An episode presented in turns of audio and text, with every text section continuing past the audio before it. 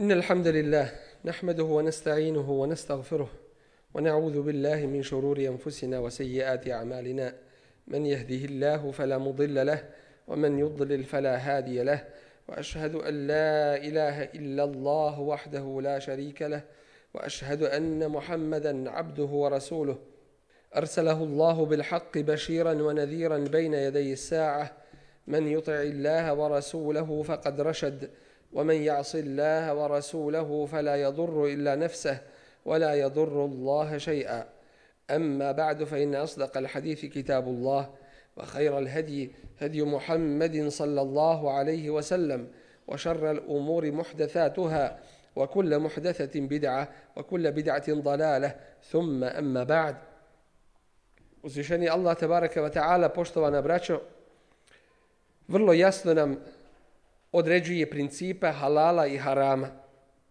Tako da u pogledu ovih propisa nema nikakve dvojbe.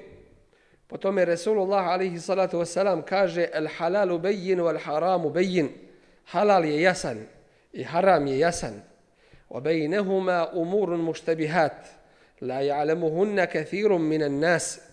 A između njih ima pitanja koja su dvosmislena ili nejasna, koja mnogi ljudi ne poznaju.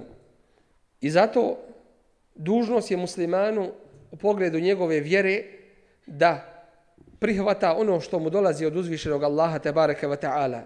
Da se kloni ne samo svega što je zabranjeno, već da se kloni i svega što mu je sumnjivo i svega što bi ga moglo na kraju dovesti do onoga što je zabranjeno i što će imati loše posljedice.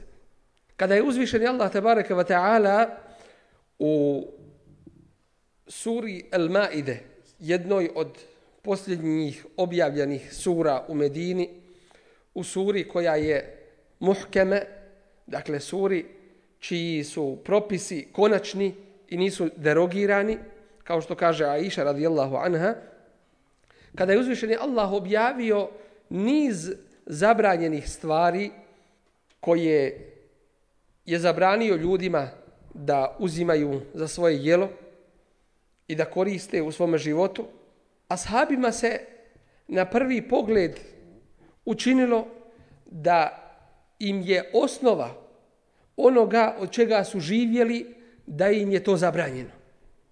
Samim tim što život džahilijeta je bio takav da je zasnovan na haramu, I ljudima kada se kaže ne smiješ to i ne smiješ ovo i ne smiješ to, onda im izgleda na prvi pogled da ne mogu ništa i da im život dolazi u pitanje.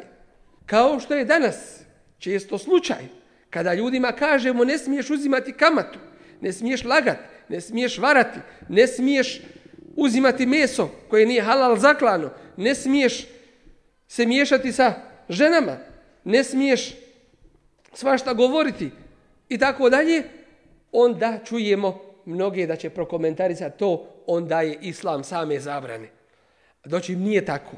Islam je većinu onih stvari koje se nalaze među ljudima, većinu je dozvolio. I u osnovi ovih dunjalučkih svih stvari jeste dozvoljenost. Vrlo mali broj pitanja je zabranjen. I zato rekli smo ono vrlo važno pravilo u islamu da kod ovih dunjalučkih pitanja ne tražimo dokaz da je nešto halal, nego tražimo dokaz da je nešto haram. I zato kada upoznamo šta se to ne smije, onda nam je vrlo jasno da sve ono ostalo da se, da se smije. Tako su ashabi pitali Božijeg poslanika, ali sad sam nakon toga ni za zabrana, koje su došle na početku sure El Maide, pitali su, i Kur'an to prenosi, jes elunake mada uhilla lehum. Pitaju te šta im je dozvoljeno. Kad je sve ovo zabranjeno, spomenuto, šta nam je onda dozvoljeno? Pa im Kur'an jednostavno i lahko odgovara Kul, reci im Allaho poslaniće i njima i svima koji dolaze do kijametskog dana uhille leku mutajibat. Uhille Reci im i prenesi im Allahov hukum i Allahov sud, dozvoljene su vam lijepe stvari. Drugim riječima, sve ono što je zabranjeno, to je nevaljasto, to je ružno, to je nečisto i to je zbog koristi vaše. I samim tim što se u primjeni ovoga što je uzvišeni Allah te baraka odredio, bilo da je nešto naredio ili nešto zabranio, što je u tome u stvari ogledanje našeg šehadeta, to jeste naša pokornost Allahu tebareke ve taala i naše robovanje uzvišenom gospodaru. Upravo se na tome zasniva. Da ne bi naš iman, naše vjerovanje, da ne bi naša vjera ostala u stvari samo na riječima ili, kao što mnogi kažu, moja vjera je u srcu. Prije svega, vjera se uz srce i uz jezik ogleda i na našim dijelima. A ogleda se upravo u pokornosti Allahu tebaraka wa ta'ala.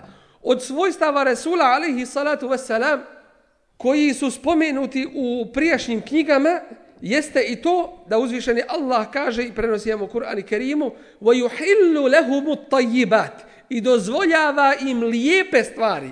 Ono što je lijepo, ono što je korisno, ono što dolikuje čovjeku. وَيُحَرِّمُ عَلَيْهِمُ الْحَبَائِفِ i haram im čini, zabranjuje im sve ono što je loše. U svakom pogledu što je loše. Moralnom, zdravstvenom, prije svega vjerskom i tako dalje. Dakle, ovi svi propisi koje mi navodimo, upravo su zbog toga da bi se pokazala naša pokornost uzvišenom Allahu te bareke ve taala i da bi se u stvari da bismo se mi kao vjernici kao muslimani okrenuli Allahu dželle šanu i bili na njegovoj strani, a odrekli se onoga drugoga što ljudi rade i što slijedi. Mi u nastavku ovoga naše kazivanja spomenut ćemo zabranjene stvari, nakon što smo rekli šta je sve to zabranjeno u pogledu akide i vjerovanja i ubjeđenja. Spomenut ćemo koje su još to zabranjene stvari. Još jedna napomena prije ovoga, to je da mudrost nekih zabrana vrlo jasno uočavamo i vidimo. I uzvišen je Allah tabaraka wa ta'ala i njegov Resul alaihi sallatu wasalam nekada su to spomenuli. Zabranjeno je to zbog toga i zbog toga. A nekada nam to nije rečeno, ali se shvata zašto je to. Iz opštih islamskih propisa u solifika. Ali nekada mudrost zabrane toga ne možemo zaključiti. I mudro se prepušta uzvišenom Allahu te barake wa ta'ala jer on je najmudriji, a na nama je da mu se pokoravamo, znali mi mudrost toga ili, ili ne znali. Što se tiče zabranjenih stvari u pogledu čistoće, nakon akide govorimo o čistoći i o fikskim propisima. Zabranjeno je čovjeku da mokri u stajaču vodu. Zabranjeno je čovjeku da mokri u stajaču vodu. Zašto? Zato što je samim tim onečisti, a ona nema mogućnost da se obnavlja i to je uzrokom bolesti koje nastupaju kod ljudi. I danas na mnogo mjesta vidjet ćemo u Africi upravo se pokazalo da su da je glavni uzrok e, mnogih bolesti koje su se proširile kod njih upravo to što se mokrilo u stajačoj vodi. I zato je Hadis dakle striktno zabranio da se, da se mokri u stajačoj vodi. Isto tako zabranjeno je da čovjek vrši svoju nuždu i svoju potrebu na sred puta. Dakle, po mjestu gdje ljudi, gdje ljudi idu i na mjestima gdje se odmaraju, na mjestima gdje se odmaraju i gdje odsjedaju i na mjestima gdje napajaju svoju stoku, gdje dolaz, na izvorima i na mjestima gdje se voda sakuplja. U hadisima ćemo primijetiti isto tako da Resula alaih sallatu wasalam kaže čuvajte se onih koji su prokleti. Nemojte vi biti od onih koji su prokleti. A koji su to prokleti? Oni koji uznemiravaju ljude, koji vrše nuždu na mjestima kuda ljudi hodaju, gdje se odmaraju i tako dalje. Danas ćemo naći posebnu vrstu ljudi kojima izgleda da je to uživanje na neki način da ljude uznemiravaju tako što na taj i na druge načine gledaju da onečiste ta mjesta gdje ljudi dolaze, a samim tim nisu ni svjesni da bivaju prokleti od tih ljudi, to jeste čovjek koji naiđe tuda pa vidi šta je to uradio, uzeće proklinjat ga i loše o tome čovjeku da govori. Zabranjeno nam je da se okrećemo u pravcu kible ili da kibli okrećemo leđa u času vršenja nužde, osim ono što je ulema izuzela, a to je kada se čovjek nalazi u zatvorenim prostorijama ili kad se nalazi negdje u kući. Kažu, u tome slučaju nema smetnje. Ali na otvorenom čovjek se ne smije okrenuti, okrenuti u pravcu kible ili okrenuti kibli leđa kada, kada obavlja svoju prirodnu potrebnu, veliku ili malu. Isto tako čovjek, čovjeku je zabranjeno da se desnom rukom čisti prilikom čišćenja, prilikom pranja iza i za, i za nužde. Zabrajeno je čovjeku da se čisti desnom rukom. Isto tako ne smije dodirivati svoj organ prilikom mokrenja desnom rukom svojom. Zabrajeno je čovjeku da se čisti nakon nužde, da se čisti kostima, jer to je hrana naše braće džina. Kao što je čovjeku zabranjeno nakon nužde da se čisti ostacima od životinja, balegom da se čisti, jer je to hrana životinja džinskih koje oni koriste u svojim putovanjima. Dakle, ni to se ne smije koristiti prilikom čišćenja. Zabranjeno je čovjeku koji se probudi iza sna da stavi ruku u neku posudu iz koje hoće da pije ili da dohvati sebi vode prije nego što opere ruke tri puta, jer ne zna gdje mu je ruka u toku spavanja i toga bez svjesnog stanja gdje mu je bila ruka. I zato na to se odnosi isto to ako hoće da se napije vode. Nakon što se probudi, treba prvo ruke tri puta oprati. I pazite, ovo nije slučajno rečeno tri puta. Sve ove odredbe, svi ovi propisi imaju svoje za to. I zato ih treba prije svega pokoravati se ovim propisima i odredbama što je to uputa vjere, a nakon što toga vidimo i korist ovu dunjalučku što su ljudi dokazali. Zabranjeno je čovjeku da naziva selam osobi koja vrši nuždu. Zašto? Jer u tome slučaju ona mu neće moći neće mu moći odvratiti na taj, na taj selam. Što se tiče zabrana prilikom klanjanja namaza, one su sljedeće. Zabrajeno je čovjeku da klanja na filu prilikom izlaska sunca kod zevala, to jeste kada je sunce na sredini, na sredini neba i prilikom zalaska sunca. A poznato je po hadisima Resula, alaihi salatu wasalam, da sunce, da sunce izlazi i zalazi između dva roga šeitanova. To jeste, šeitan se postavi na tome mjestu. Upravo zbog toga što su prijašnji narodi, a naći ćemo i danas onih koji to čine, vidjet ćemo da su ibadet činili suncu prilikom izlaska i prilikom zalaska toga sunca. U stvari oni su ibadet činili i seđdu činili prokletom šeitanu koji se postavio na tome mjestu. I zato nam je u času izlaska i u času zalaska sunca strogo zabranjeno da, da klanjamo na file namaze.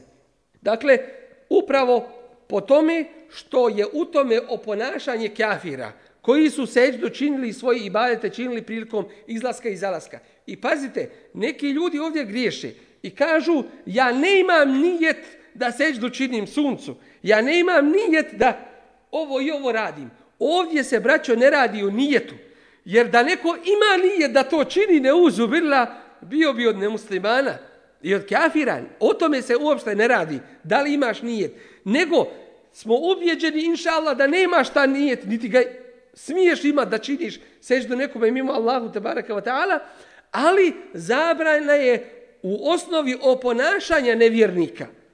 Iako čovjek ne imao nijet da ih oponaša, ali samim tim fizičkim radnjama i samim dijelima čovjek mora da se kloni od onoga što kafiri rade, kada rade i mjesta gdje rade. I zato je vrlo važno da se ne smije uspostavljati mjesto ibadeta onda gdje su mušrici ga imali. Dakle, negdje gdje je bio mušrički praznik, naći ćemo danas mnogi koji ne znaju propise Islama i osnove ove Allahove tebareke wa ta'ala vjere, pa vidjet ćemo ih da se ponose time što uspostavljaju razna dovišta, što uspostavljaju razna mjesta i badeta upravo onde gdje su bogumili stari mušrici, gdje su imali svoja mjesta obožavanja. To je svakako zabranjeno da se čini. Isto tako zabranjeno je nakon sabah namaza klanjati dok ne izađe sunce. Nakon ikindije klanjati dok ne zađe sunce. Ovo se radi o opštoj na fili. A ako bi čovjek klanjao na filu koja ima svoj uzrok ili sunnet koji ima svoj uzrok, onda nema smetnje da to klanja. Dakle, nema smetnje ako nije klanjao dva rekata sunneta sabahskog prije farza, ako nije stigao da ih klanja, klanja će ih kada? Klanja će ih poslije klanjanja farza, a prije izlaska sunca. Isto tako, ako nije klanjao, ako nije klanjao dva rekata pritvrđeni sunneta, od podne namaza može ih klanjati nakon ikindije, kao što je Resulullah, ali sad vas salam, jednom prilikom to učinio. Dakle, kada bi čovjek imao neki uzrok za namaz, ušao u džamiju, iza ikindije namaza, onda će klanjati dva rekata tehijetul mesđida i onda će sjesti. Isto tako, navedena nam je zabrana da svoje kuće činimo grobljima. Da od svojih kuća grobove činimo. Samim tim što se u tim kućama ne klanja ili neće klanjati sunneti i na file. I zato Resula Ali Isatu Veselam je vrlo jasno odvojio i rekao da je najvrijedniji namaz čovjekov onaj namaz koji klanja kod svoje kuće, osim farzova. Što znači farzove preće i vrijednije da se klanjaju u džamiji, a sunnete i na file i ostalo preće i vrijednije da se klanjaju kod, kod svoje kuće, da se te kuće ne bi učinile grobovima, to jeste da u tim kućama ne bi bilo jedna, jedna pu, ne bi bila jedna pustoš u kojima se koja liči na grobove u kojima se ne klanja namaz. Isto tako zabranjeno je da čovjek spaja farz namaz sa nafilom ili sunnetima. To jeste kad preda farz, kad preda selam na farz namazu, da odma ustane i, i da klanja sunnete ili nafile ili bilo što drugo. Isto to je zabranjeno. Već treba da progovori nešto zikrom, nešto da prouči ili da izađe s toga mjesta, da se pomjeri sa toga mjesta. Isto tako zabranjeno je da čovjek pretiče imama kada imam predvodi namaz. To jeste da se ide na seždu ruku i ostalo od radnji namaza prije imama. To je zabranjeno isto tako. Zabranjeno je isto tako da čovjek klanja samostalno i sam iza safa koji je uspostavljen, već je dužan da se, da se priključi tome saf. Zabranjeno je da se okreće u namazu, da diže pogled prema nebu kada klanja, da uči Kur'an na ruku'u i na seđdi. Ali ako se radi o dovi koja je uzeta iz Kur'ana, onda ne smeta da se to uči. Ali samo učenje Kur'ana na ruku'u i seđdi To je navedena zabrana u pogledu toga. Isto tako zabranjeno da čovjek klanja u jednoj odjeći, u jednoj haljinci, a na ramenima mu nije ništa. Isto tako zabranjeno da čovjek klanja namaz u prisustvu jela koga želi i hoće jesti. Isto tako zabranjeno je da klanja kada, po, kada mu je pritisak velike ili male nužde, tako što neće razmišljati o učenju, niti će moći ostvariti hušu i skrušenost u tome, u tome namazu. Zabranjeno je čovjeku da klanja na groblju, na mezaristanu i u kupatilima. Zabranjeno je čovjeku da obavlja namaz kao što gavran kljuca. To jeste da mu bude njegova seđda takvog oblika kao što gavran kljuca, dakle da se ne zadržava na, na svojoj seđdi, da nije skrušen, da nije smiren u svome namazu. I o tome je navedena zabrana. Isto tako zabranjeno je čovjeku da se okreće u namazu kao što se okreće lisica. Zabranjeno je da spušta laktove kada je na seđdi, da ih spušta na zemlju kao što to pas čini. Zabranjeno je čovjeku da jedno mjesto u džamiji uzme kao da je njegovo privatno vlasništvo i samo on na njemu da klanja i nikome drugome da dozvoli. Kao što to čine deve koje kada zauzmu jedno mjesto nikome drugome ne dozvoljavaju da dolazi na njega. Dakle, ne smije, ne smije biti to određeno mjesto za određenog čovjeka u džamiji. Osim ono što je navedeno da ljudi trebaju paziti da iza imama budu najučeniji. Jer Resola ali sallatu wasalam kaže lijelijeni ulun nuha minkum. Neka iza mene klanjaju oni koji su razboriti, koji poznaju islamske propise i fik. To je, to je zbog toga što oni koji klanjaju iza imama, kada dođe do greške kod imama, ili do poremećaja nekoga u namazu pa ima mora napustiti taj namaz, oni će znati kako u dotičnom trenutku da predvode džemat i džemat se ne smije prekidati. Zabrajeno je čovjeku da klanja na mjestima gdje borave deve. Zabrajeno je čovjeku da u toku namaza opipava zemlju, osim ako je negdje u pustinji ili na mjestu gdje je velika vrućina, pa hoće da poravna to mjesto da klanja ili je neravan teren, ne smije taj jedan put da to učini, ali ne smije to konstantno u namazu činiti. Zapamćeno je od ashaba Resula, ali i selam, da su klanjali namaz, pa bi uzimali šaku pijeska i zadržali ga malo u rukama i to stavljali na mjesto sežde gdje su činili. Zato što je bila velika vrućina, velika žega bila, tako da, da bi se zemlja uspali, tako rekuć, bila bi užarena, tako da bi ih bolilo to što su seđdu na nju direktno činili. Zabrajeno je čovjeku da prekriva svoja usta u namazu. Zabrajeno je čovjeku da diže svoj glas u toku namaza, pa samim tim da ezijeti i uznemirava klanjače oko sebe ili muslimane koji obavljaju druge vidove ibadeta. Zabrajeno je čovjeku da neprekidno klanja kijamu lejl e, naprežući se i boreći se protiv sna i toga što tijelo zahtijeva da se odmori. Već treba prekinuti nama, završiti sa tim namazom, odmoriti se i onda ponovo nastaviti klanjati. Zapamćeno je da je jedna žena Božije poslanika, ali i sato selam, imala u džamiji konopac spušten pa je pitao Resulullah alejsat vesselam o čemu se radi a ona je a onda su joj onda su mu rekli Boži poslaniče to ta i ta žena klanja noćni namaz pa kada se umori drži se za to uže pa je Resulullah alejsat sam rekao da se to otkine uže dakle to se ne smije činiti već čovjek i bade čini koliko je raspoložen i koliko ima snage za to. Isto tako zabavljeno je da čovjek cijelu noć klanja kijamu lejl. Osobito ako to iznoći u noć radi.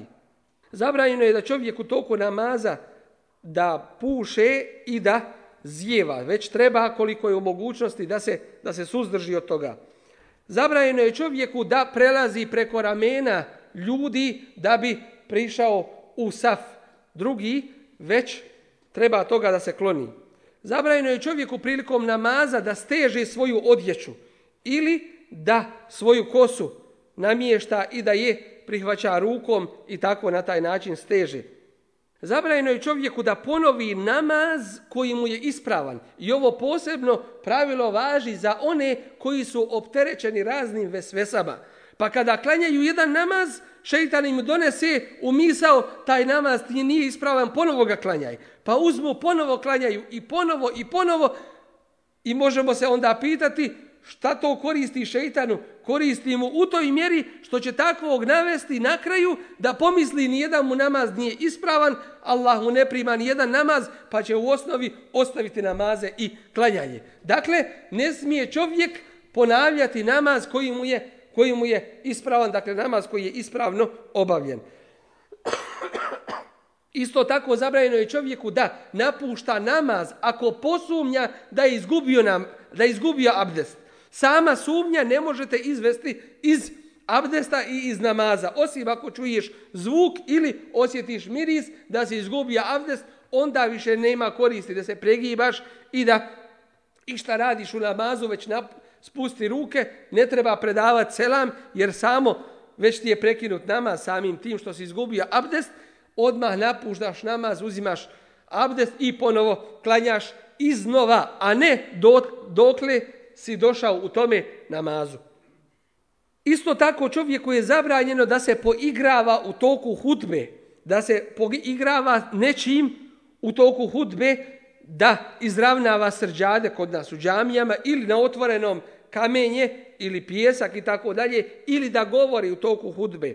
Kao što je zabrajeno čovjeku u toku hudbe da prisloni svoja koljena uz stomak, tako da obuhvati svoja koljena rukama, ako se boji spavanja, gubljenja abdesta ili da će mu se avret pokazati.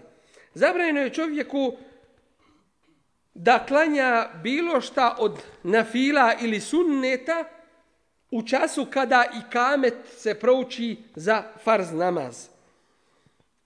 Zabrajeno je imamu posebno da klanja na uzvišenijem mjestu nego što su ostali klanjači – njegove muktedije, osim u opravdanom razlogu. Navedeno je od Resulullaha a.s. da je jednom prilikom klanjao jedan namaz pokazujući svojim asabima kako se klanja na mimberi. Jednom je Resulullah a.s. klanjao namaz pred ashabima na mimberi, tako da vide kako se, kako se klanja i nije više to ponavljao. I zato je greška i zabranjeno po hadisima Resula Ali Sato Selam da imam klanja na uzvišenijem mjestu nego muktedije, nego oni koji ga, koji ga slijede.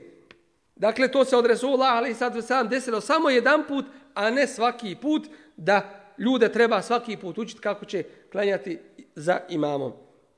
Zabranjeno je klanjaču da dozvoli ikome da prolazi ispred, ispred njega ili između njega i sutre koju je postavio, između perde koju je postavio. Dakle, treba spriječiti tu osobu koja hoće da prijeđe ili prođe ispred klanjača, treba ga spriječiti da prijeđe ispred klanjača. A isto tako zabranjeno je onome koji je na nekome mjestu gdje neko klanja, zabranjeno mu je da prelazi ispred, ispred klanjača.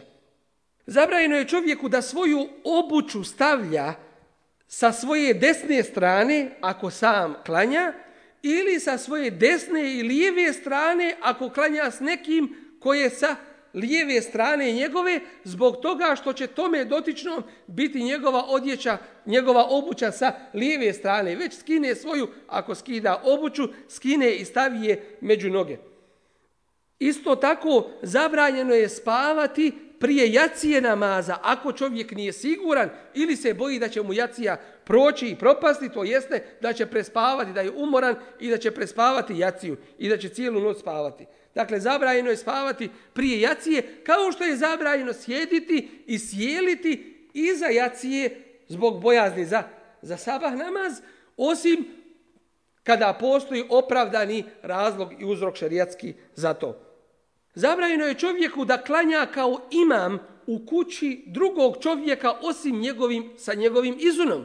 To jeste da čovjek dođe nekome u goste pa da bez izuna, bez pitanja da klanja kao imam u njegovoj, u njegovoj kući.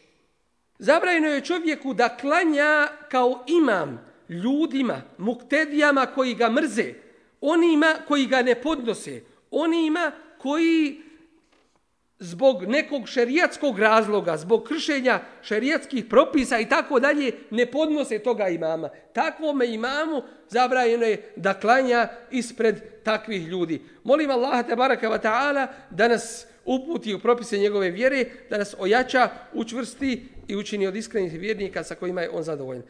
Poštovana braćo, u vremenu kada su se mnogi ljudi udaljili od Allahove subhanahu wa ta'ala vjere, u vremenu kada olahko drže do propisa islama i kada se često krše osnovni islamski propisi, potrebno je da se podsjetimo na mnoge ili na neke od zabrana koje su vezane za našu vjeru vezane za naš dunjaluk i sve ono što nam uzvišeni Allah tebareke ve taala u ovom smislu propisuje.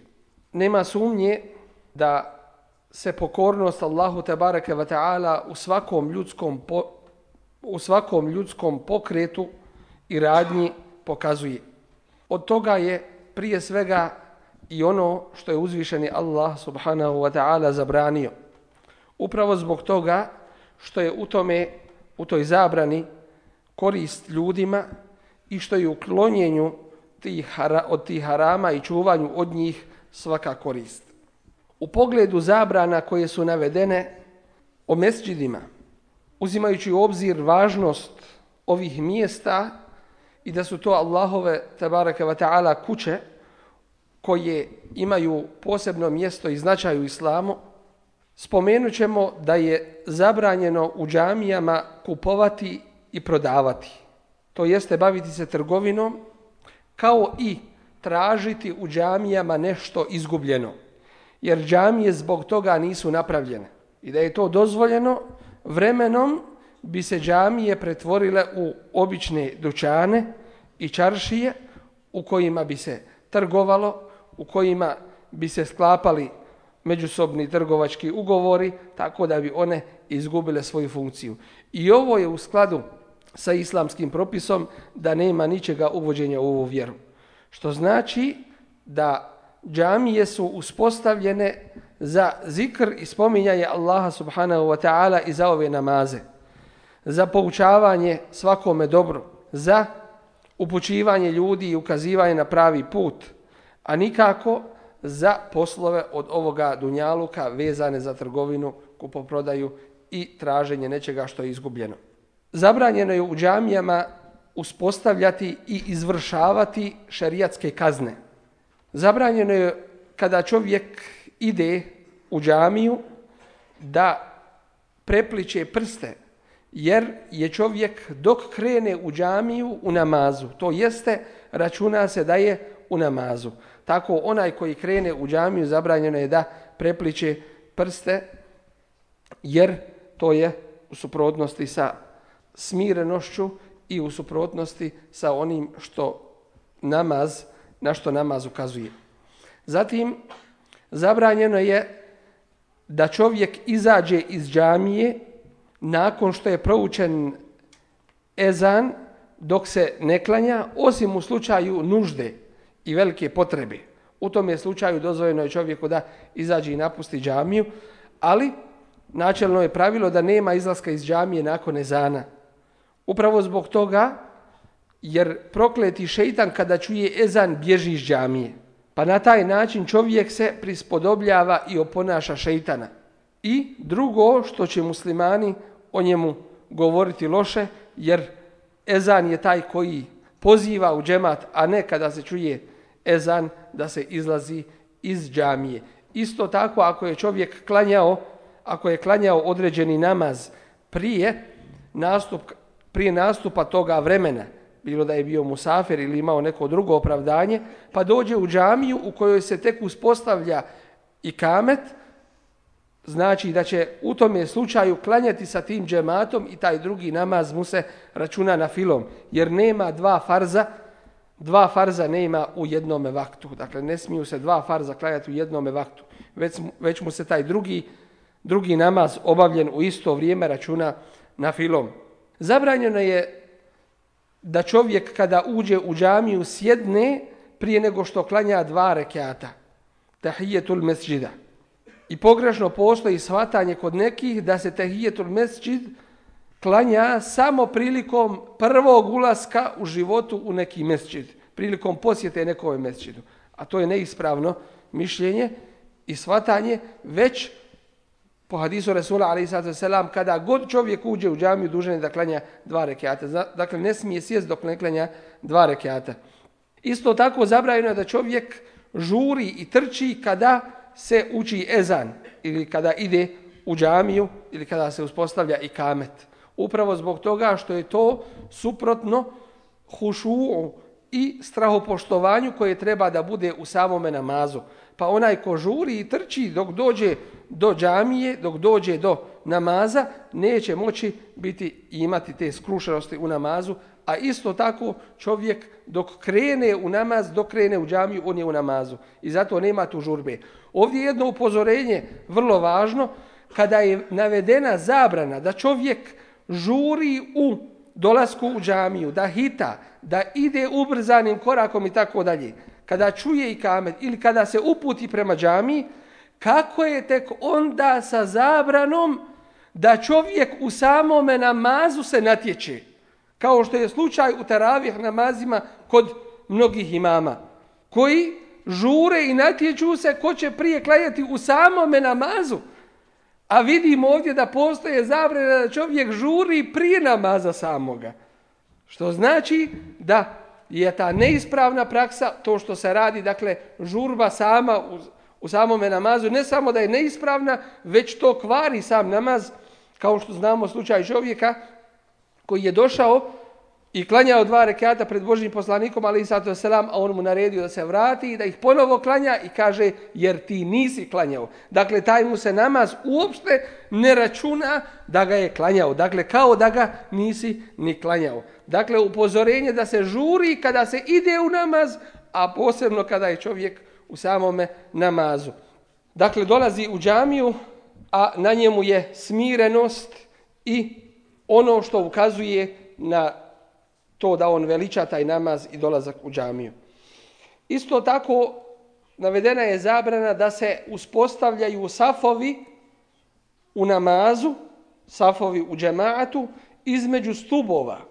Samim tim što ti stubovi u džamiji prekidaju namaz, prekidaju namaz i ashabi Resula alaihi sallatu wasalam su izbjegavali da klanjaju između stubova u džamiji. Dakle, treba saf da je, da je spojen.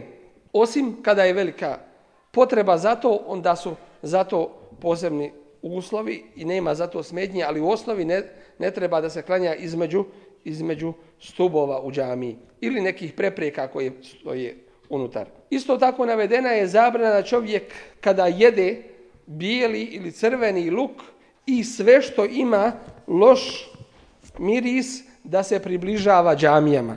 Samim tim, dakle, vidimo da zabrana dolaska u džamiju takvima je upravo zbog toga neugodnog mirisa s kojim oni dolaze. Isto tako je situacija sa onima koji dolaze nečistih čara pa, pa, pa uznemiravaju, uznemiravaju klanjače ili onih koji su iskušani velikim belajom pušenja pa sa raznim neugodnim mirisima dolaze u džamiju i uznemiravaju klanjače i uznemiravaju meleke. Dakle, navedena je zabrana približavanja džamijama takvima koji, koji su to jeli, da ne bi uznemiravali klanjače. Isto tako imamo zabranu da čovjek prolazi kroz džamiju nečim što uznemirava klanjače. Dakle, nema nikakvog ezijeta i ne smije se nikakav ezijet činiti klanjačima. Isto tako zabranjeno je da se žena spriječava da ide u džamiju osim pod određenim uslovima. Što znači žena kada je pod propisima islama i drži po propisima islama obučena i drži se tih propisa, nema smetnje da dođe u džamiju i ne smije je njen staratelj, bilo da se radi o mužu ili u drugom slučaju, ocu ili nekome drugome, ne smije je spriječavati u odlasku u džamiju, ako ispunjava šarijatske uslove za odlazak. Dakle, ako ni, nema, ako fitnu ljudima, muškarcima, ne čini. Isto tako, zabrana je navedena da žena stavlja miris na sebe kada izlazi u džamiju. Čak i u džamiji žena ne upotrebljava miris. A šta je tek sa ženama koje idu po čarši pa upotrebljavaju te mirisove? Svakako da je to još žešća zabrana, a dolazak u džamiju, dakle da ne bi zabrana ženama dolaska u džamiju koji se namirisali, da ne bi to bilo smutnja i iskušenje muškarcima. Isto tako zabrana je navedena da e, osobe koje ostaju u iatikafu, to jeste ostaju u džamiji u zadnjih deset dana džamije, mjeseca Ramazana po sunnetu Rasula Ali Sadu Sam, zabrajeno je takvim osobama da se sastaju sa svojim ženama dok su u džamijama, jer džamije nisu zato sagrađene. Isto tako, zabrana je navedena da se ljudi nadmeću u džamijama time što će ih ukrašavati, što će ih bojiti u crveno i žuto ili što će ih ukrašavati bilo čime što klanjače odvodi od skrušenosti i razmišljanje o Allahu tebarake wa ta'ala. Vrlo bliska tema ovoj, to jeste e, džamijama, jeste i dženaza namaz. I sve što je vezano za dženazu i tako dalje. Pa ćemo ovdje spomenuti neke zabrane vezane za dženazu. Od toga je zabrana da se gradi na grobovima. Da se ti grobovi ili mezari da se podižu i da se na njima nešto gradi i da se betoniraju. Isto tako zabranjeno je da se sjeda na grobove, na mezare. Navedena je zabrana da se mezari osvjetljavaju, kao što je slučaj kod kršana koji osvjetljavajući svoje, grobove svojih umrlih, misle da to osvjetljava samo unutrašnjost tih grobova i osvjetljava dušama tih. To je iz druge strane ovaj pokuđeno da čovjek čini upravo zbog toga što je to tešebbu i što je to u stvari oponašanje nemuslimana. To se muslimanima dakle ne smije dešavati i zabrana je navedena da se da se mezari osvjetljavaju, da se na njima pale sveće, svijeće i tako dalje. Zabranjeno je isto tako da se po mezaru piše i da se kopa mezar nakon što je već nakon što je već uspostavljen. Jer je taj mrtvac tu, on je vlasnik toga, on je vlasnik toga groba i Ulema Fikha spominje da jedino na što ima čovjek pravo nakon svoje smrti jeste taj mezar i ništa više. I meta koji imaš, daješ ga, ostaje i za tebe, drugi ga dijele, jedino na što imaš pravo kao mrtav, to jeste taj mezar. I ne smije se kopati ponovo i vaditi taj mrtvi, osim u slučaju nužde i velike potrebe koju je šarijat objasnio. Isto tako navedena je žestoka zabrana da se uzimaju grobovi za mesčide, to jeste da se klanja na tim mjestima. Isto tako navedena je zabrana da se klanja prema prema mezaru. Ne smije se klanjati na mezaru i ne smije se prema njemu okretati. Osim kod dženaze namaza koji se može klanjati u mezaristanu na groblju. Navedena je isto zabrana da žena žali za svojim mrtvim i da pokazuje tu žalost preko tri dana, osim u slučaju svoga muža, osim u slučaju svoga čovjeka. U tom je slučaju ona za njim žali i pokazuje tu žalost u svojoj odjeći i tako dalje, četiri mjeseca i deset dana za svojim mužem ona žali. To znači da je u pogledu žene najveće pravo ima njen, ima njen muž.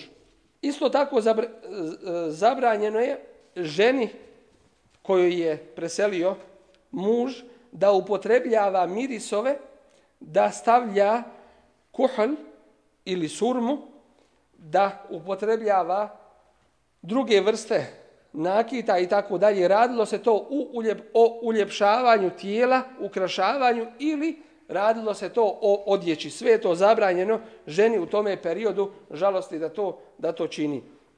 Zabranjeno je da se nariče za mrtvima, kao što je slučaj kod nekih još uvijek na nekim mjestima, kao što je slučaj kod nekih muslimana, gdje su uzeli taj običaj od, od kafira, pa se nariče za tim mrtvima, za tim mrtvim.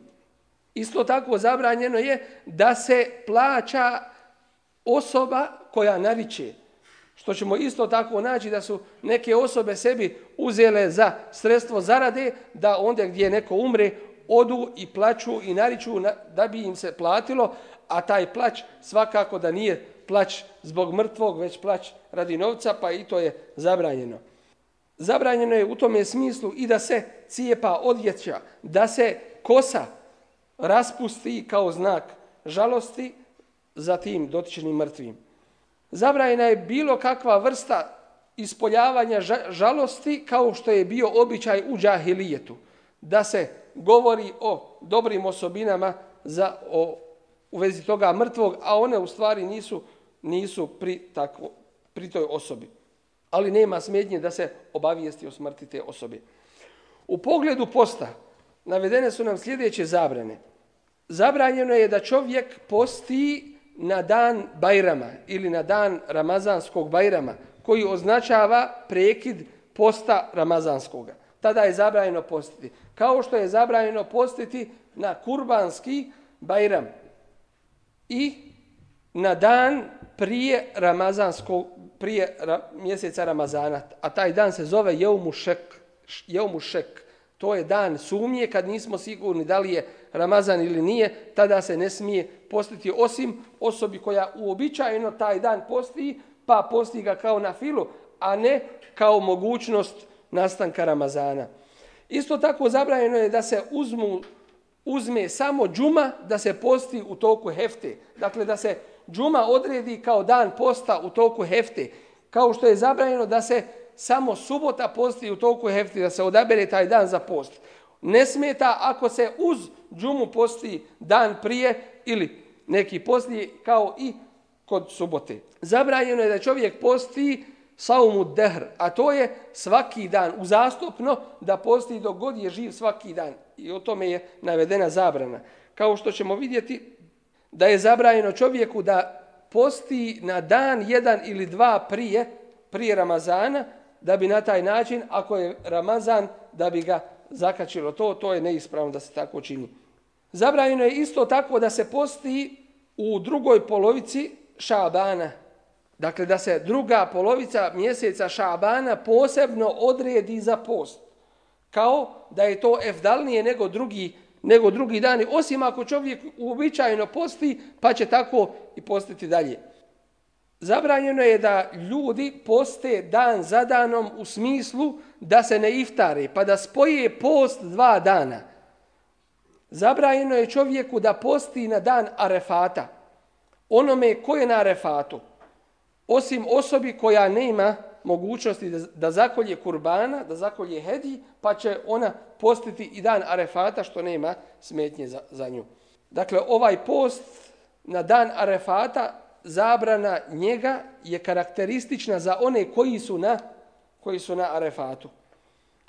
Zabrajeno je isto tako pretjerano kod abdesta prati usta, stavljati vodu u usta i činiti madu madu i pretjerano stavljati vodu vodu u nos prilikom posta, da se na taj način ne bi čovjek iftario. Zabrajeno je ženi da posti post na file u prisustvu svoga čovjeka. To jeste kada je čovjek kod kuće osim njegovim izunom. Dakle, ne smiju biti ovi ibadeti na file na račun čovjeka i njegovih prava. Već se zatraži ilom izun njegov da dozvoli da žena to radi. Isto tako zabrajeno je da čovjek ostavlja sehur koji hoće da posti, čovjek koji hoće da posti, da ostavlja sehur, dakle, trebalo bi da sehuri, to je onaj noćni ruđa, kako se naziva, makar to bilo i gutljajem jedne, gutljajem vode.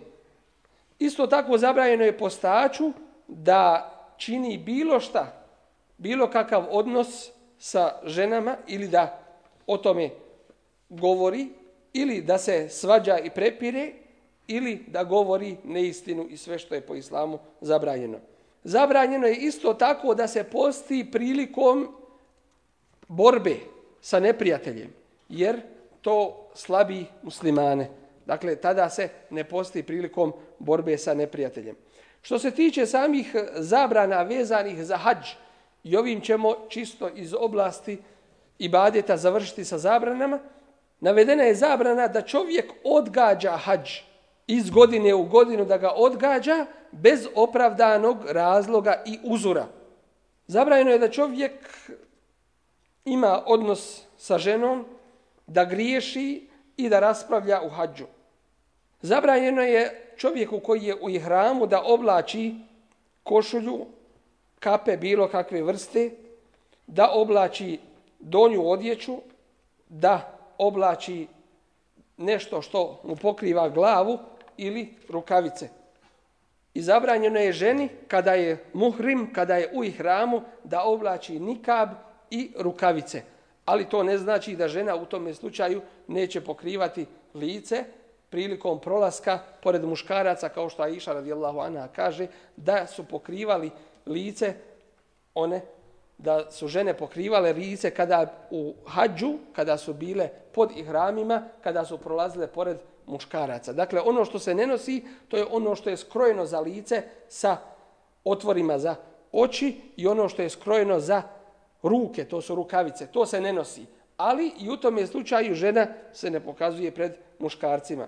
Isto tako zabranjeno je u haremu da se kida drveće, da se po njemu gazi, da se uništava i tako dalje. Zabranjeno je u haremu mekanskom da se nosi oružje i da se lovi i da se tjera lov, ili kada se nađe nešto u haremu, da to čovjek za sebe prisvoji, osim čovjek koji hoće to da ljudima kaže što je našao, da obznani i oglasi, tako da se vrati vlasniku toga što je izgubio to što on nedostaje.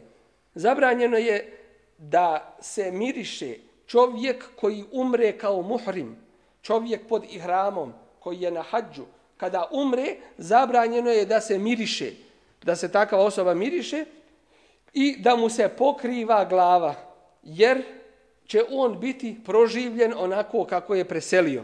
Dakle, on je pod ihramima takav kakav jeste se i ukopava. Zabranjeno je da čovjeku da ide iz harema dok ne klanja dva rekiata, dva, dok e, ne obavi tavaf, oprosni tavaf od kjabe tavaful veda koji se naziva. A dozvoljeno je ženama koje su u mjesečnom periodu ili nakon poroda da mogu to ostaviti.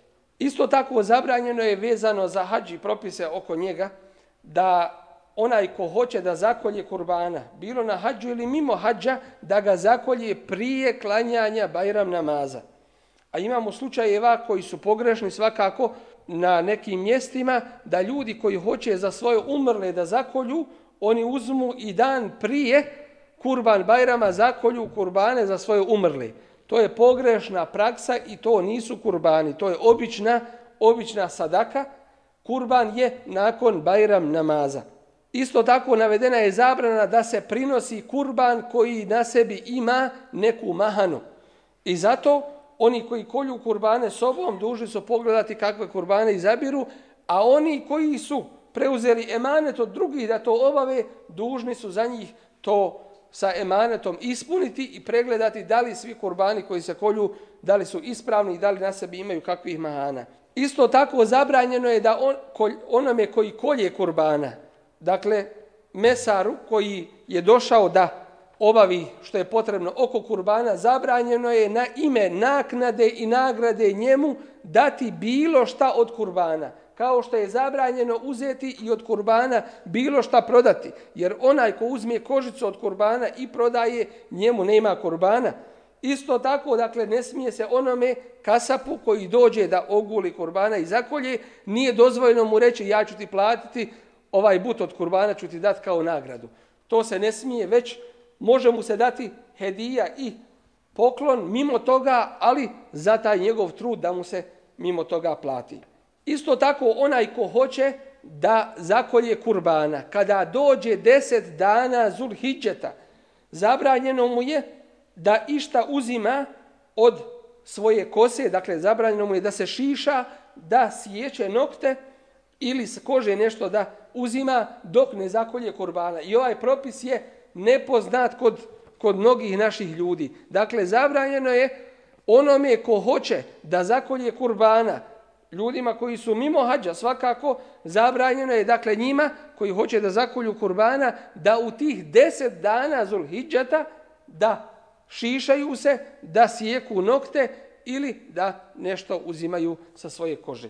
Dakle, ovo su zabrane navedene u pogledu džamija, dženaza, posta, i hađa i propisa kurbana. Molim uzvišnog Allaha tabaraka wa ta'ala da nas pouči propisima naše vjere, da nas učvrsti u našem dinu, da nam pomogne u svatanju njegovom i da nam to olakša. Amin ya rahman rahim. Kulu qavli hada wa staghfirullahi li walakum wa li sa'iri muslimina min kulli dhambi fa staghfiruhu innahu wal ghafur rahim.